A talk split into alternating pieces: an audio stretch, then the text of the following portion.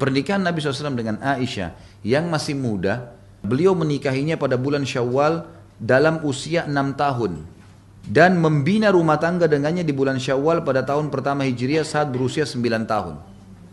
Nah, di sini disebutkan di footnote nomor 24. Ini menimbulkan banyak kecaman dari para kaum orientalis dan antek-anteknya tentang pernikahan Nabi SAW dengan Aisyah yang ketika itu masih berusia 9 tahun.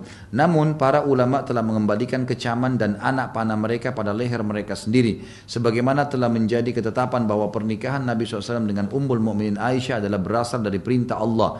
Sebagaimana disebutkan dalam hadis, sesuatu yang berasal dari Allah maka itu memiliki hikmah yang banyak dan besar. Di antaranya, Nabi SAW harus menikah dengan gadis belia agar ia bisa mengembang tugas dakwah dan menyampaikannya setelah kematiannya. Apalagi sudah dekat masa kematian Nabi SAW. Kan Nabi waktu menikah dengan Aisyah itu sudah di umur 53 tahun ya.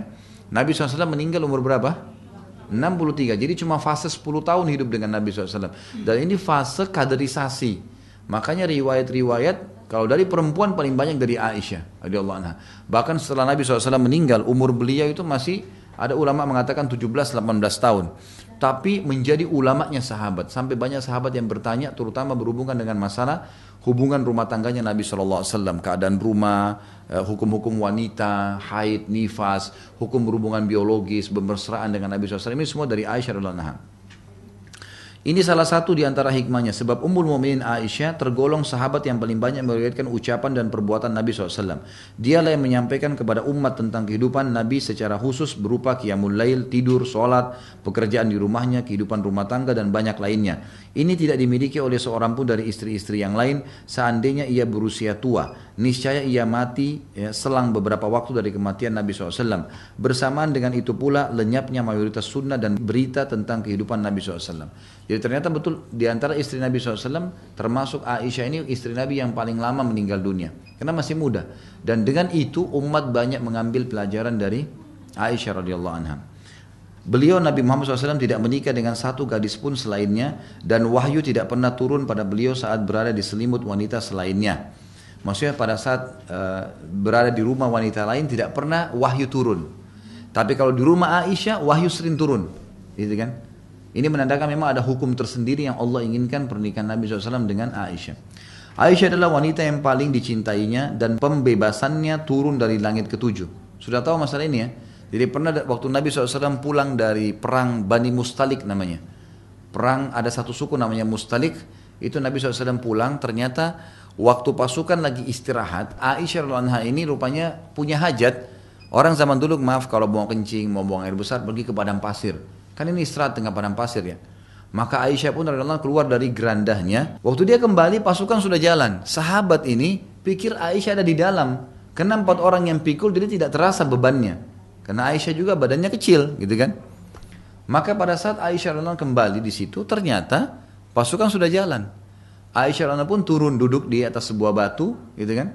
Dan pada saat itu sudah turun ayat hijab, maka beliau sudah menggunakan cadar. Gitu. Kata Aisyah, saya pun membuka cadar saya untuk menghirup udara gitu kan, lebih ini karena sambil menunggu orang.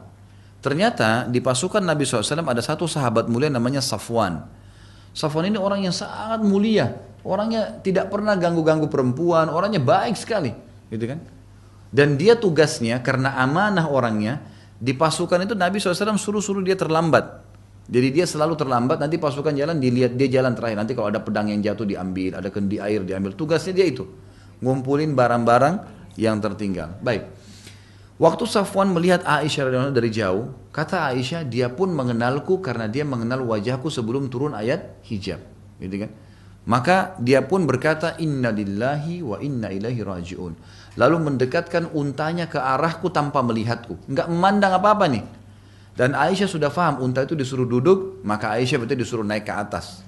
Karena Aisyah termasuk yang ketinggal di dalam perang ini, harus dibawa gitu kan. Maka Safwan punya tugas dinaikkanlah. Kata Aisyah, sepanjang jalan tidak pernah Safwan ngomong satu kalimat pun, saya pun tidak bertanya. Ini kadang-kadang ini sekalian pelajaran Bapak Ibu sekalian. Kalau tolong orang jangan tanya kamu kenapa terlambat, kamu di mana, nggak ada urusan. Sekalian kenalan, ini nggak ada. Nah iya, ini pelajaran. Karena kalau membantu orang ya bantu orang, kan? Subhanallah pasukan Nabi SAW istirahat di satu tempat lagi. Ya, kan? di kejauhan. Nabi SAW biasanya kalau perang memang membawa salah satu dari istri beliau. Nah kebetulan waktu itu Aisyah yang ikut kan radhiyallahu anha. Nabi SAW biasa kalau lagi istirahat istrinya turun dari geranda bantu siapin makanan layanan seorang istri kepada suaminya. Maka Nabi SAW lihat tidak ada Aisyah. Mana Aisyah? Sahabat pergi ke geranda, wahai Aisyah, Ummul Mukminin, nggak nyaut. Berapa kali nggak nyaut? Dibuka gorden nggak ada. Tersebar berita waktu itu Aisyah ditangkap oleh musuh. Satu pasukan nih tersebar, gitu kan? Luar biasa beritanya tiba-tiba. Tidak lama kemudian sementara lagi tersebar ini jangan sampai Aisyah diambil oleh pasukan, kita harus menyerang kembali nih dan seterusnya. Dari kejauhan lagi siang bolong seperti ini, untanya Safwan jalan Aisyah di atas. Safwan pegang. Ini kalau ibu-ibu nih, kalau bapak-bapak lihat pasangannya tiba-tiba begitu di mobil ada sama orang lain. Langsung syaitannya berbicara. Padahal belum tahu masalah nih, gitu kan? Belum tahu masalah ini gini. Maka yang paling pertama dilakukan oleh pimpinan orang munafik Abdullah bin Abi Salul, mana bisa laki-laki perempuan jalan berdua tidak zina. Langsung fonis. Tersebar itu seperti virus di dalam pasukan muslimin, Aisyah berzina sama Safwan. Tersebar berita. Ada banyak orang-orang beriman kena nih fitnah ini, gitu kan? Waktu itu Aisyah tidak tahu apa-apa nih, nggak ngerti nol, nggak tahu apa-apa. Dia Beliau pun akhirnya bilang, saya masuk ke pasukan, sementara mata-mata orang ini semuanya pada kaget karena sudah tersebar berita nih. Dan unta kan jalannya pelan, dari kejauhan berarti begitu tersebar berita itu ini makin dekat dengan pasukan makin tersebar nih. Ini kalau gosip ini luar biasa nih. Ini jangankan Nabi SAW, istri seorang ustadz selingkuh sudah heboh semua gitu. Ini apalagi istri Nabi, kacau balau semuanya. Dan ini pelajaran luar biasa Bapak Ibu sekalian. Maka yang terjadi pada saat itu Aisyah pun berkata saya masuk ke dalam pasukan dan ternyata terdengar oleh telinga Nabi SAW kalau Aisyah berzina sama Safwan. Dan biasanya Nabi SAW kalau ada informasi apa-apa pasti wahyu turun nih. Beritakan benar atau enggak. Gitu kan? Benar atau enggak. Bayangkan Bapak Ibu sekalian waktu itu wahyu terputus sebulan. Enggak ada wahyu dari langit. Bagaimana posisi bapak-bapak sekarang kalau sampai istrinya dituduh selingkuh begitu? Ya kan? Orang buru-buru mengambil langkah. Lihat pelajaran buat suami, pelajaran buat istri. Luar biasa kejadian ini, gitu kan? Maka Aisyah mengatakan saya pun melayani Nabi SAW seperti biasa. Saya tetap ceria sampai ke Madinah, gitu kan? Tapi perilaku Nabi sudah berubah, kata Aisyah. Kalau Nabi SAW datang ke rumah saya tidak seperti biasa.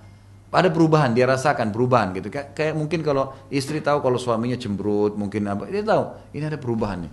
Lalu Aisyah dengan adabnya apa? Perhatikan ibu-ibu. Kalau ibu-ibu kadang-kadang lihat suaminya berubah langsung. Kenapa kok berubah? Ada wanita lain ini macam-macam. Aisyah berkata, ya Rasulullah, kalau anda tidak ada hajat dengan saya. Ini lihat romantisnya dalam Islam nih. Lagi ada fitnah terjadi, ngomongnya masih santun. Kata Aisyah, ya Rasulullah, kalau anda tidak punya hajat dengan saya, izinkan saya pulang ke rumah orang tua saya. Kata Nabi SAW, baiklah. Diantar baik-baik sama Nabi SAW ke rumahnya Abu Bakar. Seperti biasa orang kalau ribut, diantar ke mertuanya.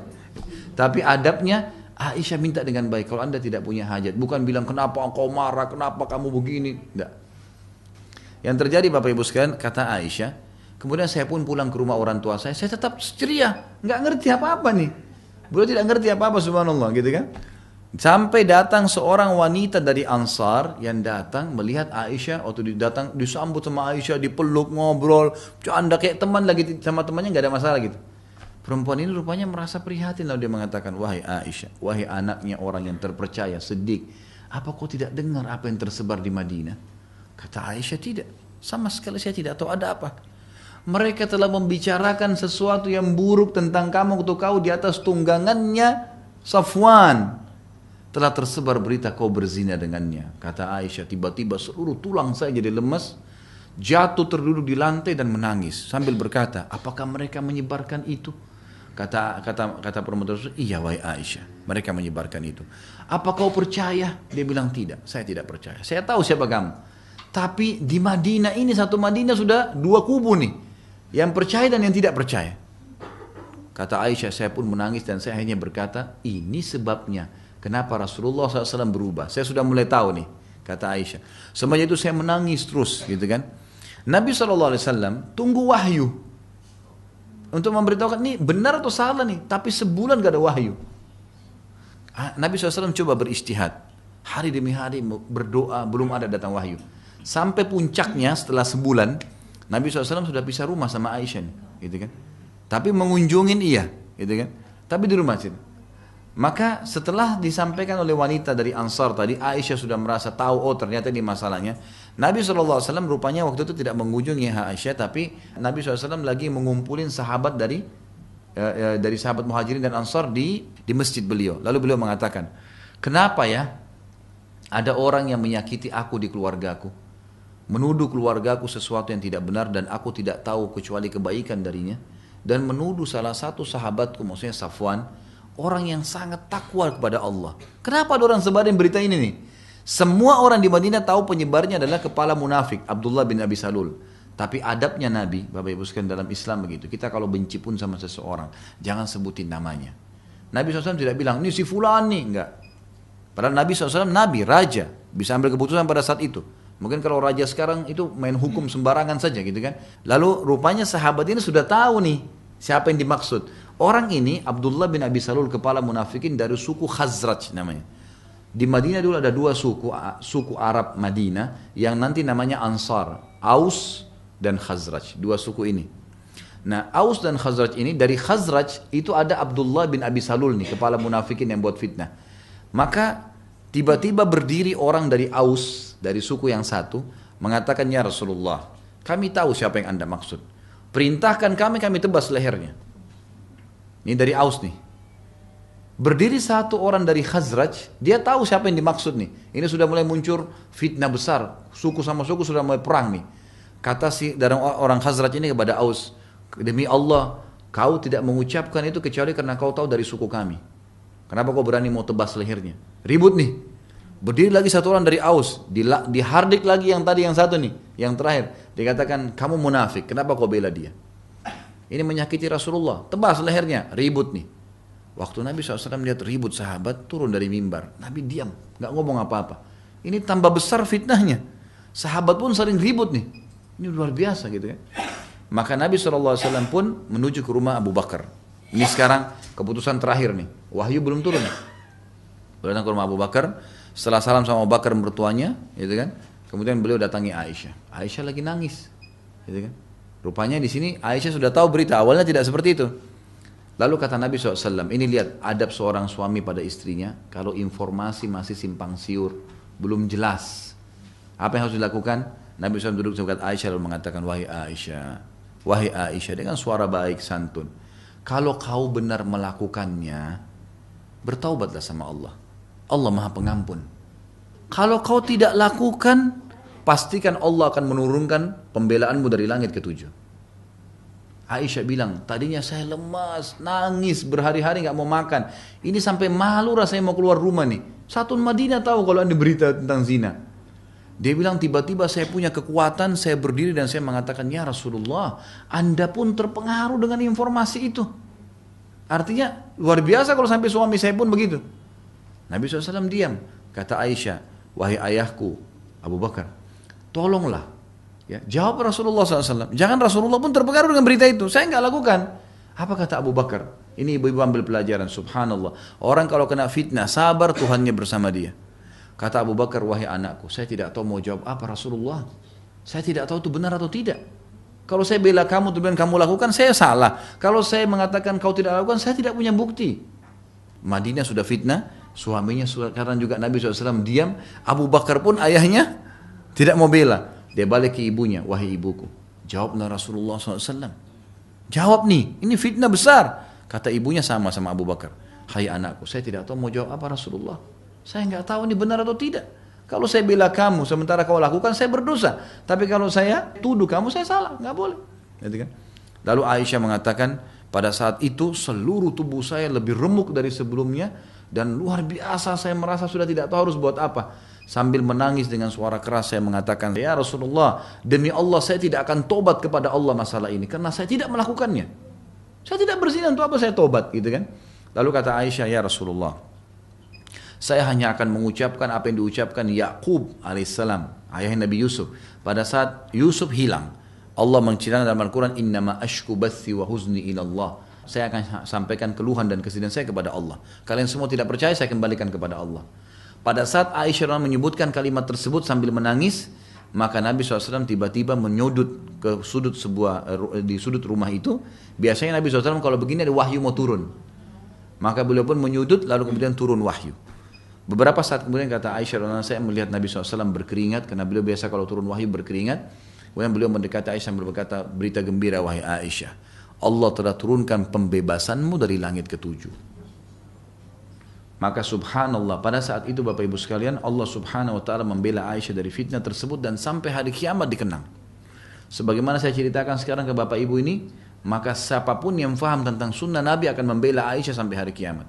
Satu kali dituduh, ya fitnah satu bulan, Allah bela seumur hidup dunia ini sampai hari kiamat. Bagaimana orang kalau sabar, bagaimana suami sabar, bagaimana istri sabar. Ada fitnah terjadi. Jangan buru-buru menghakimi, menuduh, menyalahkan karena kita tidak tahu. Tapi Allah tidak akan tinggal diam dengan kejadian yang ada. Allah akan bongkar dengan caranya. Sabar. Pahala sabar didapatkan kalau cobaan datang. Kalau nggak ada cobaan, kapan kita bisa dapat pahala sabar? Nggak boleh buru-buru. Ini makna daripada perkataan tadi di sini dikatakan dan dialah adalah wanita yang diturunkan pembebasannya dari dari langit ketujuh. Ini maknanya.